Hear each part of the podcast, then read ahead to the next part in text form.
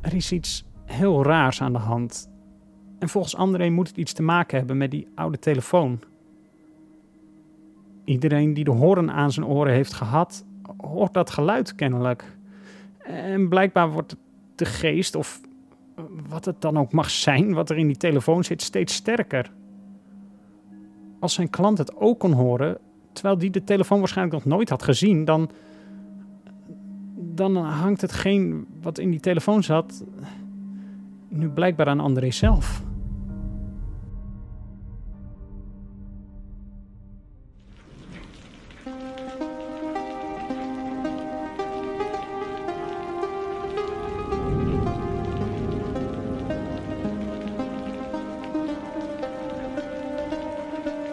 In de donkerste krochten van het menselijk brein vormen zich dingen bang voor te zijn.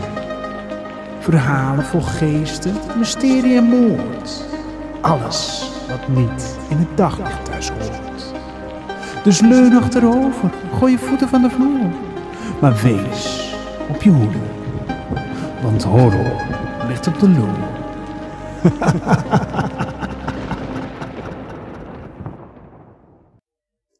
Hey, hallo en welkom terug bij Horror. Leuk dat je luistert. Waardeer ik, dat weet je inmiddels. Ik ben op een een of andere invite spree geweest. Ehm, zoals de meeste van jullie weten ben ik niet heel handig met social media, maar word ik dat wel steeds meer. En ik heb een idee bedacht. Namelijk zo, eh, ik wil mijn publiek vergroten. Ik vraag jullie mij te helpen. Dat doen jullie ook heel goed. Nogmaals dank daarvoor. Maar Instagram kan mij daar ook bij helpen. Dus wat heb ik gedaan? Een aantal uh, uh, accounts die soortgelijke content maken als dat ik dat doe. Um, ja, die ben ik gaan volgen. Maar ik heb ook ontdekt dat ik dan op volgers kan klikken. En al die mensen die die accounts volgen, die kan ik dan vervolgens weer uitnodigen zodat ik ze kan volgen. In de hoop natuurlijk dat zij dan denken: hey, wie is dat? Ik volg hem terug. En dat ze er dan achter komen dat die zo'n toffe podcast gaande is. Ben jij nou een van die mensen die onverwachts ineens een invite kreeg van een raap een logootje van een schedel met horror daarboven en dat je daardoor luistert naar deze podcast? Laat me dat even weten. Je hebt mijn uh, Instagram account, dus je weet hoe je me moet bereiken. Het verhaal van vandaag is een verhaal waarvan je misschien de inhoud een beetje gaat herkennen. Vroeger had je in een huis wel eens meerdere telefoons. Dat betekende dat als jij aan het bellen was met je vriendje of vriendinnetje, dat je broertje of zusje op de andere verdieping in het huis stiekem de horen eraf kon pakken en mee kon luisteren of rare geluiden kon maken. Super grappig natuurlijk. Vandaag de dag hebben we niet zoveel vaste lijnen meer. Dus als je vandaag zoiets meemaakt, dan denk je al snel, oh, uh, ruis op de lijn of technisch mankement ergens. Maar in dit verhaal is het iets veel mysterieuzers. André die krijgt een antieke telefoon van zijn vriend cadeau. En sinds hij die telefoon heeft, hoort hij steeds rare dingen die hij niet zou moeten horen. Geniet van het verhaal. Een lijntje met gene zijde.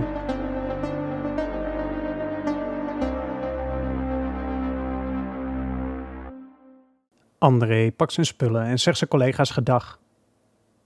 Het is regenachtig weer en voor hij de deur uitstapt, ritst hij zijn jas zo hoog mogelijk dicht. Hij stapt in een drafje de stenen trap voor het groot kantoorpand waar hij werkt af en trekt een sprintje naar zijn auto. Eenmaal in de auto belt hij zijn vriend. Hé hey, schat, zegt hij. Ik zit in de auto hoor. Serkan weet niet beter dan dat André hem altijd belt als hij onderweg naar huis is. Is het bij jou ook zo'n takkenweer? Ja, het is echt vreselijk, reageert Serkan. Je moet nog wel eventjes een pakketje voor me ophalen, hè? André was even vergeten dat Serkan weer eens via internet iets had besteld. Omdat het schijnbaar een verrassing voor André was, had hij toegezegd om zelf het pakketje onderweg naar huis even op te pikken bij het ophaalpunt. Nou ben ik weer lekker mee. Ben ik straks zeker weer zeiknat. Serkan begint te lachen. Als je het pakketje maar droog houdt, anders heb ik dat ding straks voor niets aangeschaft. Niet veel later parkeert hij zijn auto voor het ophaalpunt en opnieuw trekt hij een sprintje door de stromende regen. Hij loopt naar de vrouw achter de balie. Goedenavond, ik uh, kom een pakketje ophalen. André trekt zijn mobiel uit zijn zak en laat de QR-code scannen. De vrouw verdwijnt een hokje in en André hoort hoe er fanatiek met dozen wordt geschoven. Oh, klinkt er uit het hokje. André kijkt verbaasd van zijn mobiel op. Is er iets aan de hand? vraagt hij. De vrouw komt het hokje uit met een oude kartonnen doos. Het is een gewone bruine doos, zonder enige opdruk. De doos is versleten, nat en ook nog eens vies. Het is alsof de doos zo ergens langs de straat is opgeraapt en op de post is gedaan. De vrouw zet de doos op de balie. André kijkt met een vies gezicht naar de doos, die van ellende zo ongeveer uit elkaar valt. Ehm, uh, wacht even. Zo ga ik hem natuurlijk niet aannemen. Hoe, kan die doos zo nat en zo vies zijn? De vrouw trekt haar schouders op. Ik heb geen idee, meneer, maar je kunt hem niet achterlaten, want er staat geen retouradres op. Dan wordt het waarschijnlijk weggegooid. Met enige tegenzin neemt André de doos toch aan. Als hij thuis komt, zet hij de doos in de hal. Schat? Ja, klinkt er uit de woonkamer. Kom even kijken. Serkan staat op van de bank en loopt naar de hal. André kijkt met een vieze blik naar de doos die hij zojuist in de hal heeft neergezet. Wat heb je ermee gedaan? vraagt Serkan verontwaardigd. Ja, uh, niets. Zo kreeg ik hem mee. Zo neem je hem toch niet aan? Eh, dat ding doet nu waarschijnlijk helemaal niets meer. Even staan de twee te kibbelen, maar als André uitlegt waarom het pakket niet zomaar retour kon worden gestuurd, koelt Serkan af. Hij had blijkbaar een flink bedrag voor het pakket betaald en hij had er nog erger van gebaald als het zou worden weggegooid. Serkan legt een vuilniszak op de eettafel en André zet de smerige doos erop. Op hoop van zegen dan maar, zegt André, terwijl hij met het mesje de twee touwtjes die om de doos gebonden zijn lossnijdt. Voorzichtig opent hij de doos. De doos is gevuld met oude en inmiddels natte kranten. En tussen de proppen ziet hij een oude telefoonhoorn. Gretig trekt hij het voorwerp uit de doos en zet het op tafel. Oh, wauw, die is mooi. Een antieke telefoon ergens uit 1900 van donkerbruin hout met koperen accenten pronkt op de eettafel. Het heeft een prachtige ouderwetse horen met zo'n gekromd kokertje waar je in moet praten, dat met een krulsnoer aan het apparaat vastzit. André kijkt Serkan vragend aan. Maar ik heb toch gewoon een mobiel? Serkan reageert beledigd. Luister jij wel eens naar me? Ik heb je twee weken geleden toch verteld over die straling en zo? We lopen de hele dag met die dingen. Er zijn enorm veel mensen die ervan overtuigd zijn dat je hier hersenschade van krijgt. En jij belt zo vaak. Ik wil niet dat jouw hersenen stuk gaan. André weet even niet hoe hij moet reageren. Ja, misschien, maar ik vind hem echt wel mooi. Dank je wel, schat. Serkan is een beetje teleurgesteld in de reactie van André. En die teleurstelling neemt alleen maar toe als de twee de telefoon proberen aan te sluiten. Verward staat Serkan met de draad van de telefoon in zijn handen bij de telefoonaansluiting. Hoe moet ik dit in hemelsnaam aansluiten? André pakt het draadje uit zijn handen. Er zit niet eens een stekker aan. Misschien hadden deze telefoons dat nog niet? De mannen besluiten de telefoon even te laten voor wat het is en zetten hem op een bijzettafeltje bij de telefoonaansluiting. Tijdens het eten spreken de twee af dat André de telefoon de komende weken even langsbrengt bij een antiekwinkeltje in de buurt, zodat ze daar eens kunnen kijken wat de mogelijkheden zijn. De vrijdag verloopt zoals iedere vrijdag. De sfeer op kantoor is ontspannen en vanaf een uur of drie wordt er maar weinig werk verzet. André neemt de tijd om wat met zijn collega's te socializen. En voor hij het weet, zit de dag erop. Hij stapt de auto in en net als hij Serkan wil bellen, ziet hij dat Serkan hem juist belt. André steekt snel zijn sleutels in het contact, zodat de telefoon naar de carkit wordt doorgeschakeld. En dan neemt hij op. André? klinkt er aan de andere kant van de lijn. Ja, hoi, met mij. Wat ben je aan het doen? Um, ik stap net mijn auto in. Eh, ik wilde je net bellen. Moet je daar zo raar bij kreunen? André heeft geen idee waar Serkan het over heeft en besluit er een grapje van te maken. Ja, kreunen maakt alles lekkerder, toch? De twee beginnen te lachen. Wat leuk dat je mij een keer belt, begint André. Was je niet bang voor de straling? Grapt hij. Haha, leuk hoor, reageert Serkan. Nee, ik maak net iets heel bizars mee. Die telefoon. Hij ging ineens over. Meen je dat?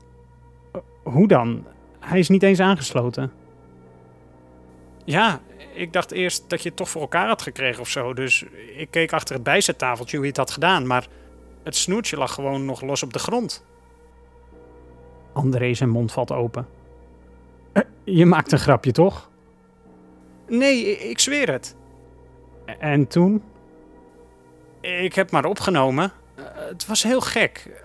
Het klonk alsof er een soort ruis op de lijn zat, maar er stond niet eens stroom op dat ding. Misschien is dit nog wel allemaal mechanisch of zo? André kan zijn oren niet geloven. Waarschijnlijk houdt Serkan hem voor de gek. Hij besluit mee te gaan in het verhaal en blijft zich verbaasd en geschrokken voordoen. De volgende dag zet André de telefoon in de achterbak van de auto en rijdt naar het antiekwinkeltje. Hij stapt het winkeltje binnen en de geur van oude mensen komt hem tegemoet. Het winkeltje staat vol met antieke meubels en apparaten. Vooral oude tv's, radio's, klokken, maar ook telefoons vullen de ruimte. Een oude man zit voorover gebogen boven de toonbank. Het lijkt alsof hij een oud zakhorloge aan het repareren is. Goedemiddag, roept André vrolijk. Ik heb een vraag. De man legt zijn vergrootglas weg en kijkt André verwachtingsvol aan. Eh, zegt u het maar. André zet de telefoon op de toonbank. Ik heb deze telefoon van mijn vriend gekregen, maar we weten niet hoe we hem aan moeten sluiten. De man bestudeert de telefoon. Prachtig exemplaar, zegt hij zachtjes. Na elk detail van de telefoon vol bewondering te hebben bekeken, pakt hij het snoertje beet. Hier weet ik wel wat voor. Uh, komt u dinsdag maar terug. Ik moet hier even wat voor bestellen. Dan kunt u hem gewoon op uw hedendaagse telefoonaansluiting aansluiten. Tevreden met het antwoord laat André de telefoon achter. Die dinsdag wordt André gebeld. Met André. Het is de man uit de antiekwinkel. Uw telefoon is klaar. U kunt hem vandaag voor zes uur opkomen halen. De rekening ontvangt u later wel. André kijkt verbaasd naar zijn mobiel. Er lijkt een vreemde ruis op de lijn te zitten. Wat is die ruis op de lijn? vraagt hij. Oh, dat is heel gewoon bij zulke oude telefoons. Belt u met onze telefoon? De man legt uit dat alles werkt en hij inderdaad even met de telefoon belde om alles te testen. André is eigenlijk best onder indruk van de kwaliteit van het geluid. Het is verder van hoe de telefoons vandaag de dag klinken, maar voor zo'n oud model is de man verdraaid goed te verstaan. André begint nu toch wel enthousiast te worden van het idee dat hij straks zo'n prachtige antieke telefoon in huis heeft. Als de man de telefoon op de haak legt, ligt de hoorn waarschijnlijk een beetje scheef. Na het geluid van de hoorn hoort André de man nog kreunen. André verbreekt de verbinding en uit zijn werk vertrekt hij meteen naar de winkel. Als André de winkel binnenstapt, is het stil.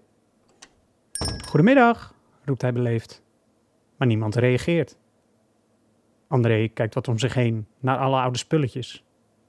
En ziet dan zijn telefoon in de hoek op een tafeltje staan. Het is meteen duidelijk dat de horen niet goed op de haak was gelegd. Deze bungelt namelijk aan het krulsnoer naast het tafeltje. Een voortdurend tutend geluid komt uit de hoorn. André pakt de hoorn vast en staart naar de telefoon. Hij weet niet waarom, maar het voelt allemaal een beetje eng. Eh, en waar is die man toch? André legt de hoorn op de haak, trekt de nieuwe stekker uit het contact en zet de telefoon op de balie. Meneer, roept hij nog eens. Maar opnieuw volgt er geen reactie. André trekt zijn schouders op en besluit de telefoon mee te nemen. De man had hem immers verzekerd dat de factuur nog wel zou volgen. Thuis sluit André de telefoon aan. Het ding staat prachtig in het huis en het is een ware eyecatcher. André besluit de telefoon eens te testen. Serkan is nog onderweg naar huis. Misschien neemt hij wel op. Serkan zou al een contract hebben afgesloten met een telefoonmaatschappij, dus het zou moeten werken. André steekt zijn vingers in de gaten van de oude draaischijf om het nummer van Serkan te bellen. De schijf draait zwaar en maakt na ieder getal een schrapend geluid als het terugloopt naar zijn rustpositie. De telefoon gaat over. Hallo, uh, spreek ik met de heer Serkan? grapt André. Serkan zal wel een vreemd nummer in beeld zien, dus André grijpt zijn kans om een geintje met hem uit te halen. Het blijft stil aan de andere kant van de lijn. Maar hij heeft wel opgenomen, dat weet hij zeker. Ik bel omdat er nog een boete open staat. André kan nauwelijks zijn lach inhouden. Serkan is doodstil. Hij schrikt zich waarschijnlijk rot door dit telefoontje.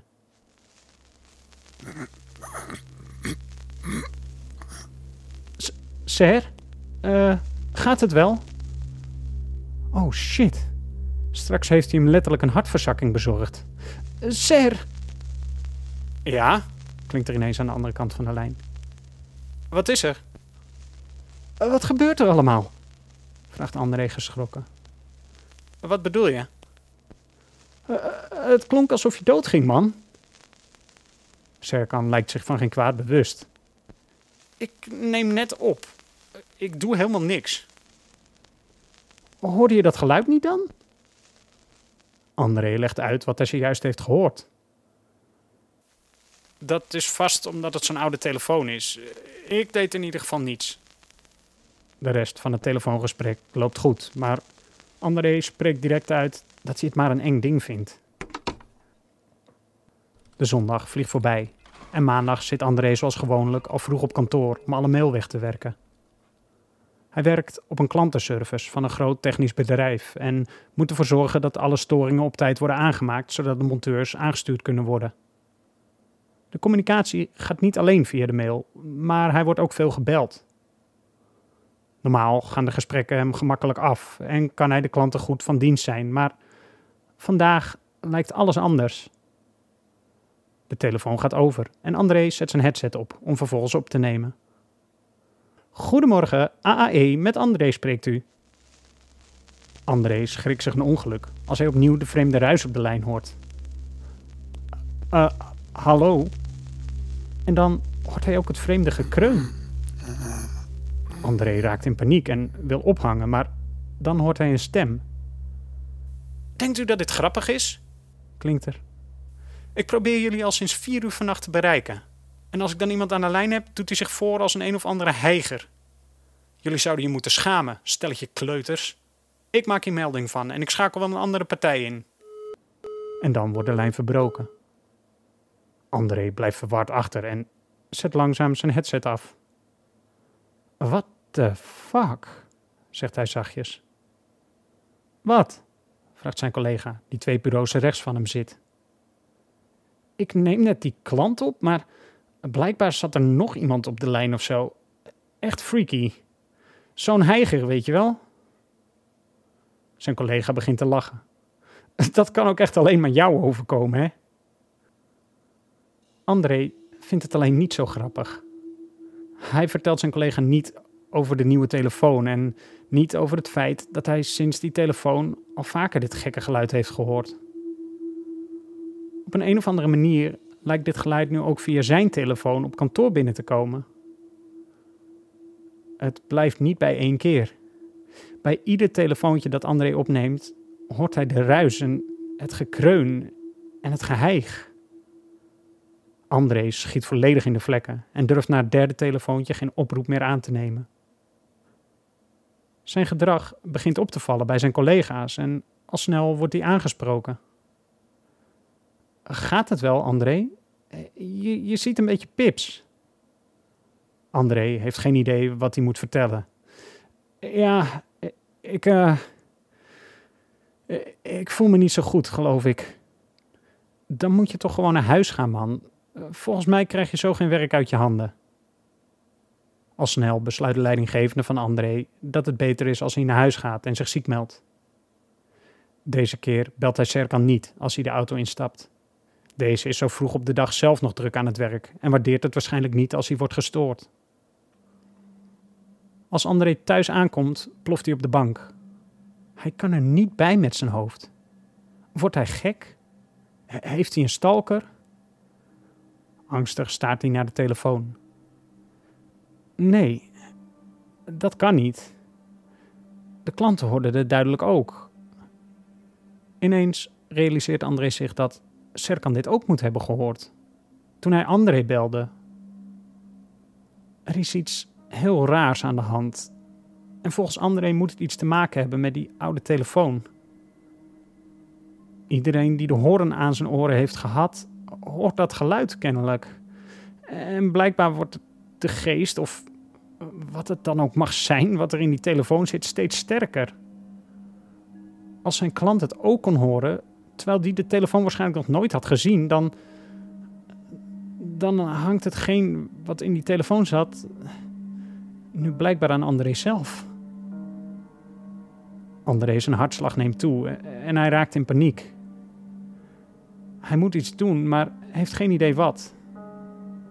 Hij loopt op de telefoon af. Dat ding moet weg.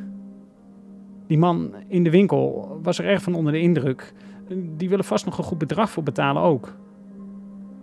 Net voor André de stekker uit het contact trekt, gaat de telefoon over. André schrikt zo erg dat hij achterover valt en over de grond de hoek van het huis inkruipt, tussen de bank en de muur. Zo bang is hij nog nooit geweest. Als een bange kat staart hij onafgebroken naar de telefoon van achter de bank. Na een tijdje stopt de telefoon met rinkelen om kort daarna opnieuw af te gaan. Na een keer of vier stopt het geluid en blijft het stil. Het duurt ongeveer een half uur voor André zich bij elkaar heeft geraapt en het aandurft om naar de hal te sprinten en zijn jas aan te trekken. In een draf gaat André het huis uit. En de rest van de dag loopt hij buiten rond, tot het vijf uur is. Om vijf uur pakt hij zijn mobiel en belt hij Serkan. Hey schat, klinkt er aan de andere kant van de lijn. Moet je niet met een nieuwe telefoon bellen? André begint in paniek uit te leggen wat er allemaal is gebeurd. Dat gekraak uh, en dat geheig, uh, het was er weer. Het, het, was op de telefoon van mijn werk. elke keer als ik bel of, of word gebeld, is het er weer. het is een soort ruis en, en, en dan geheig en gekreun. Jij had het toch ook gehoord? Het lijkt alsof het aan me vastzit of zoiets. Die, die, die klant, die hoorde het ook. Ik, ik, beelde het me niet in. Jij hebt het ook gehoord, toch?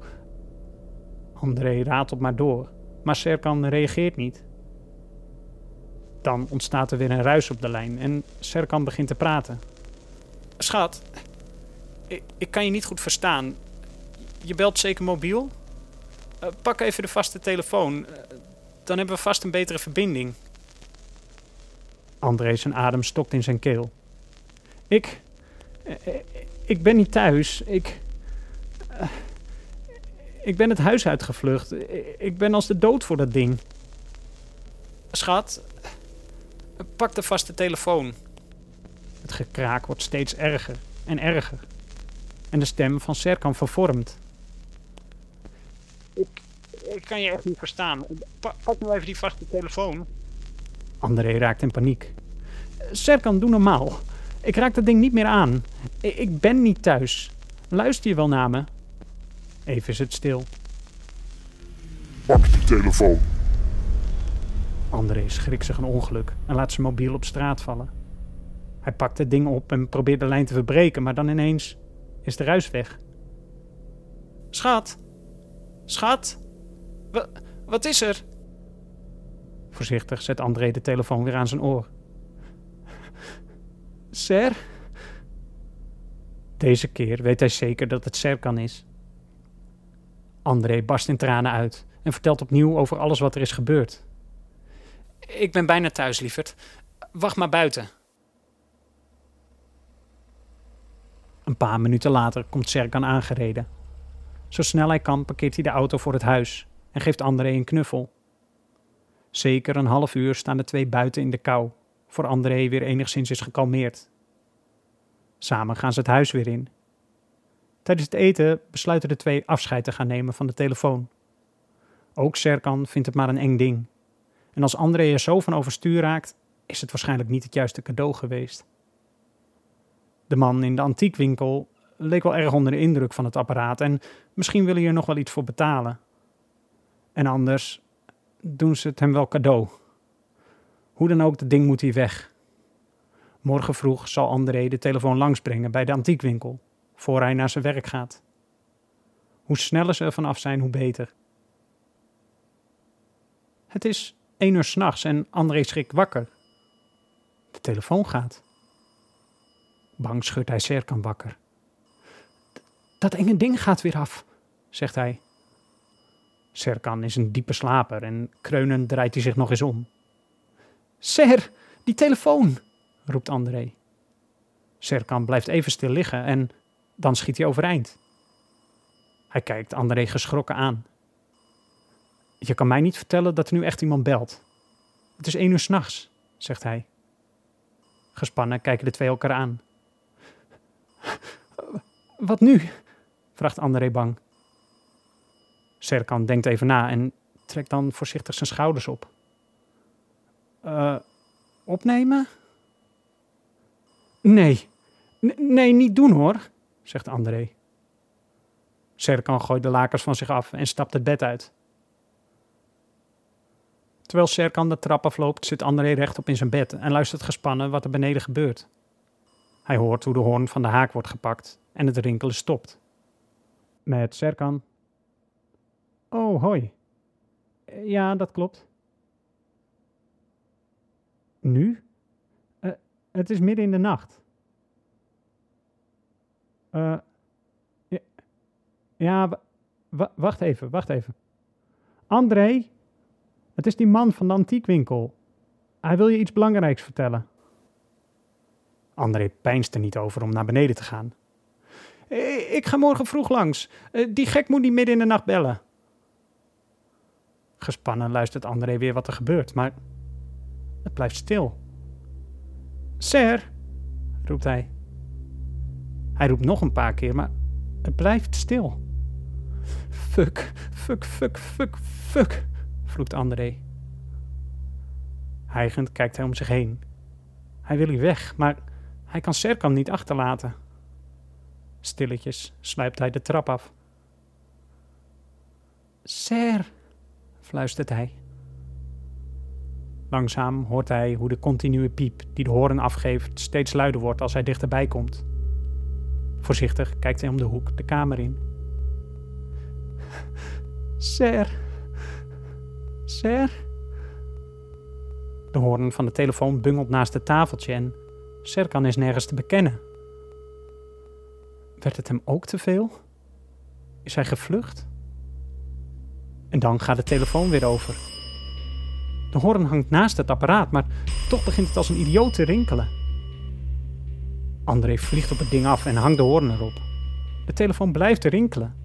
Hij trekt de hoorn er opnieuw af en slaat hem terug op de haak, maar het rinkelen blijft doorgaan. Hou je kop, roept hij en hij slaat de hoorn nog een paar keer op de haak. Dan trekt hij het apparaat van het tafeltje en de stekker vliegt uit het contact. Het is doodstil. Hijgend kijkt André om zich heen. Nog steeds geen spoor van Serkan. En dan begint de telefoon in zijn handen opnieuw te rinkelen. Nu is het klaar, denkt André. Hij rent de hal in en de deur uit. Hij smijt de telefoon achter in zijn auto. Als die man midden in de nacht kan bellen, dan kan hij die telefoon ook wel aannemen, denkt André. Met piepende banden vertrekt hij richting de winkel. Bij de winkel ziet André inderdaad nog licht branden. De man woont blijkbaar in zijn winkel of zoiets. Het gerinkel stopt zodra André de sleutel uit het contact van zijn auto trekt. André gooit de achterklep van de auto open en trekt de telefoon eruit. Hij loopt naar de deur. De deur is los. André stapt de winkel binnen en loopt zo snel hij kan naar de balie. Hallo, roept hij. Het blijft stil. Er hangt een vreemde geur in de winkel, een, een beetje muf. Een vlieg zoemt langs André's oren en André slaat hem geïrriteerd weg. Hij heeft hier geen geduld voor. Als u me hoort, U mag de telefoon hebben. Uh, cadeautje van ons. Fijne nacht nog. André draait zich om en loopt naar de deur. Vlak voor hij de klink van de deur beetpakt, hoort hij de stem van de eigenaar van de winkel. Het klinkt niet alsof hij in de winkel is, maar alsof hij via de telefoon praat. André blijft even staan en draait zich dan verbaasd richting de balie. De man lijkt via de telefoon die André net op de balie heeft gezet te praten. Even twijfelt hij, maar dan stapt hij langzaam naar de telefoon. Ha hallo? zegt hij voorzichtig, terwijl hij dichter bij de telefoon komt. De man lijkt te reageren, maar André kan het nog niet goed verstaan. Voorzichtig pakt André de hoorn op en drukt deze tegen zijn oor. Luister goed naar me. Er is iets mis met die telefoon. Ik weet niet wat, maar. En dan wordt de ruis zo erg dat André hem niet meer kan verstaan. En dan. André? Het is de stem van Serkan. André, luister niet naar die stem. Leg die telefoon neer. Serkan? Vraagt André verbaasd. Serkan, uh, waar ben je? Ik. Ik, ik weet het niet. Het is donker hier. En. Het is koud. Het is. Het is heel koud. Ik, ik ben bang. André. Ik ben bang. Serkan, uh, vertel me waar je bent. Ik, ik kom naar je toe. André. André. Ha, hang die telefoon op. Ren! Ineens begint er een andere telefoon in de winkel te rinkelen. En kort daarna nog één. Meerdere antieke radio's en tv's beginnen nu ook aan en uit te gaan. André smijt de hoorn op de haak en rent de voordeur uit. Hij springt de auto in en begint als een idioot te rijden. Hij weet niet waar hij naartoe gaat. Hij durft niet eens naar huis en het is midden in de nacht. André stuift een 80 weg op en trapt het gaspedaal zo diep in als hij kan. Dan ineens hoort hij de ruis via de speakers van zijn auto komen. Eerst hoort hij het gekreun en dan hoort hij de vervormde stem weer. André drukt de radio uit, maar het geluid blijft gewoon doorgaan. Ga uit, stom ding! schreeuwt hij terwijl hij wild op de radio slaat. Ga terug. Neem die telefoon op. Luister naar me. André blijft op de radio slaan, maar het haalt niets uit.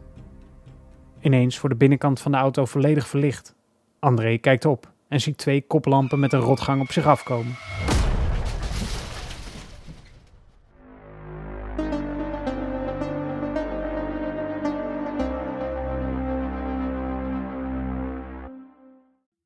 Het is eindelijk gelukt. Ik ben ook te beluisteren op Apple Podcasts. Met dank aan Ian van de customer support van Apple. Ian, hartstikke bedankt. En fijn dat je ook luistert. Top. Ja, dat had ik beloofd aan Ian, dat ik hem even zou benoemen in de eerstvolgende aflevering. Dit was dan het verhaal Een lijntje met gene zijde. André, ik hoop dat je enorm hebt genoten van dit verhaal. En um, ja, laat me even weten wat je ervan vond. Dat mag persoonlijk, maar dat mag uiteraard ook via Instagram of iets dergelijks. Um, ja, we gaan lekker. We gaan door. Ik zou zeggen, volg me op Instagram, horrorpod, als je dat nog niet doet.